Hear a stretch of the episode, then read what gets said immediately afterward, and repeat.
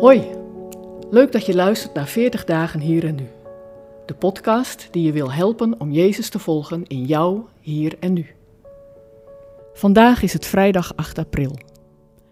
Jezus moet gaan naar zijn hemelse Vader. Is het verlies van zijn aanwezigheid niet te groot? Kirsten laat zien aan de hand van Johannes 16, vers 1 tot 11 en vers 15 hoe de Vader en Jezus een nieuw perspectief openen voor de discipelen. Hoop. Dat is het woord dat in mij opkomt na het lezen van Johannes 16. Deze tekst komt voor mij als een verademing na de tekst in Johannes 15 over de haat van de wereld.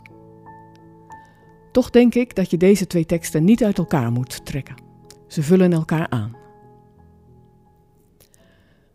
Na een stuk over haat, zonde en vervolging begint Johannes 16 met een zin die verklaart waarom Jezus focust op de haat van de wereld. Er staat namelijk: Dit alles heb ik tegen jullie gezegd om te voorkomen dat jullie je geloof verliezen. De leerlingen worden dus gewaarschuwd voor moeilijkheden die op hun pad zullen komen, zodat ze voorbereid zijn en deze moeilijkheden kunnen overwinnen. Maar Jezus laat hen niet alleen met een waarschuwing achter. Hij kondigt niet alleen zijn eigen vertrek aan, maar ook de komst van de pleitbezorger. Jezus zegt zelfs dat het goed is dat hij zal gaan. En dat zegt, wat mij betreft, iets over hoe sterk Jezus gelooft in het werk van de Heilige Geest. De term pleitbezorger geeft al weg dat de Heilige Geest voor ons pleit. Hij wil voor en met ons strijden.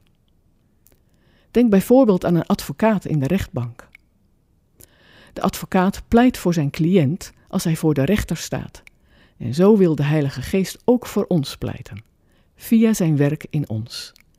Hij neemt het voor ons op. Jezus geeft graag zijn plekje op voor de Heilige Geest, omdat hij weet hoe goed zijn werk zal zijn. Wat is dan dat specifieke werk van de Heilige Geest? In deze tekst benoemt Jezus vooral wat we van de Heilige Geest zullen leren, namelijk wat zonde, gerechtigheid en oordeel is. Hierin proef je iets van wat de Heilige Geest voor ons kan betekenen. Hij schenkt ons wijsheid, hij kan ons richting geven in hoe we moeten leven en ook helpt hij ons om God steeds beter te leren kennen.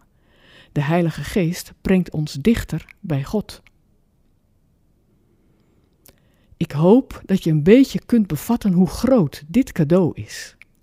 Dankzij de Heilige Geest kunnen wij zo dicht bij God komen. Hij is met ons, Hij is in ons, Hij leidt ons. En daarom kan Jezus met een gerust hart vertrekken. Jezus moet gaan, maar er is toekomstperspectief. Er is hoop. Het feest gaat door. Laten wij vol vreugde uitkijken naar de komst van de Heilige Geest. Ik nodig je uit om opwekking 788, Wees welkom Geest van God, te luisteren en de woorden als gebed op te dragen. Laten we de pleitbezorger welkom heten.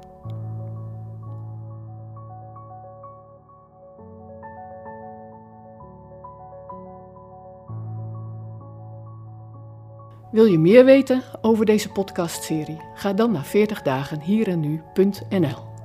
Voor de Bijbelteksten in deze podcast gebruiken we de NBV 21 van het Nederlands en Vlaams Bijbelgenootschap.